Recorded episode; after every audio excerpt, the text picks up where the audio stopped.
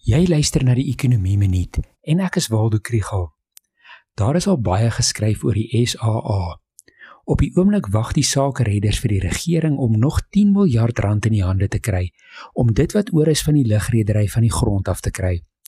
Ons almal wag om te sien of minister Mboweni dit op 'n fiskale neutrale manier uit die mini-begroting kan haal. Die betrokke vakbonde waarsku dat daar 'n hoë menslike koste is. Meeste werknemers is nou vir 5 maande lank sonder salaris. Mense het al hulle motors verloor en moet geld leen of hulle huise verkoop om hulle families aan die lewe te hou. In mikro-ekonomiese terme is die fisiese kapitaal van 'n lugredery 'n versonke koste. Dit is moeilik om 'n vliegtyg of 'n lughawe andersins aan te wend as amper niemand kan vlieg nie.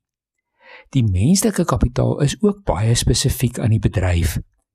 Omdat daar so min gevlieg word, is die vraag na loodse, kajuitpersoneel en tegnisi ook laag. Maar menslike kapitaal kan aanpas as hulle die kans kry.